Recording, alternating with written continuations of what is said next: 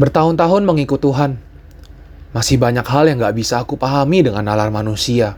Kukira mengikut Tuhan akan selalu nyaman dan tenang, karena pada dasarnya manusia emang selalu ingin tinggal dalam kenyamanan dan ketenangan. Setuju nggak? Sampai aku menyadari bahwa Allah pun bekerja melalui situasi untuk membentuk dan menyempurnakan kita. Di dalam kejadian pasal yang ke-35, Yakub berpikir untuk tinggal dan menetap dengan tenang di Sikem. Tetapi sepertinya Allah tidak tinggal diam. Allah mengizinkan banyak situasi terjadi.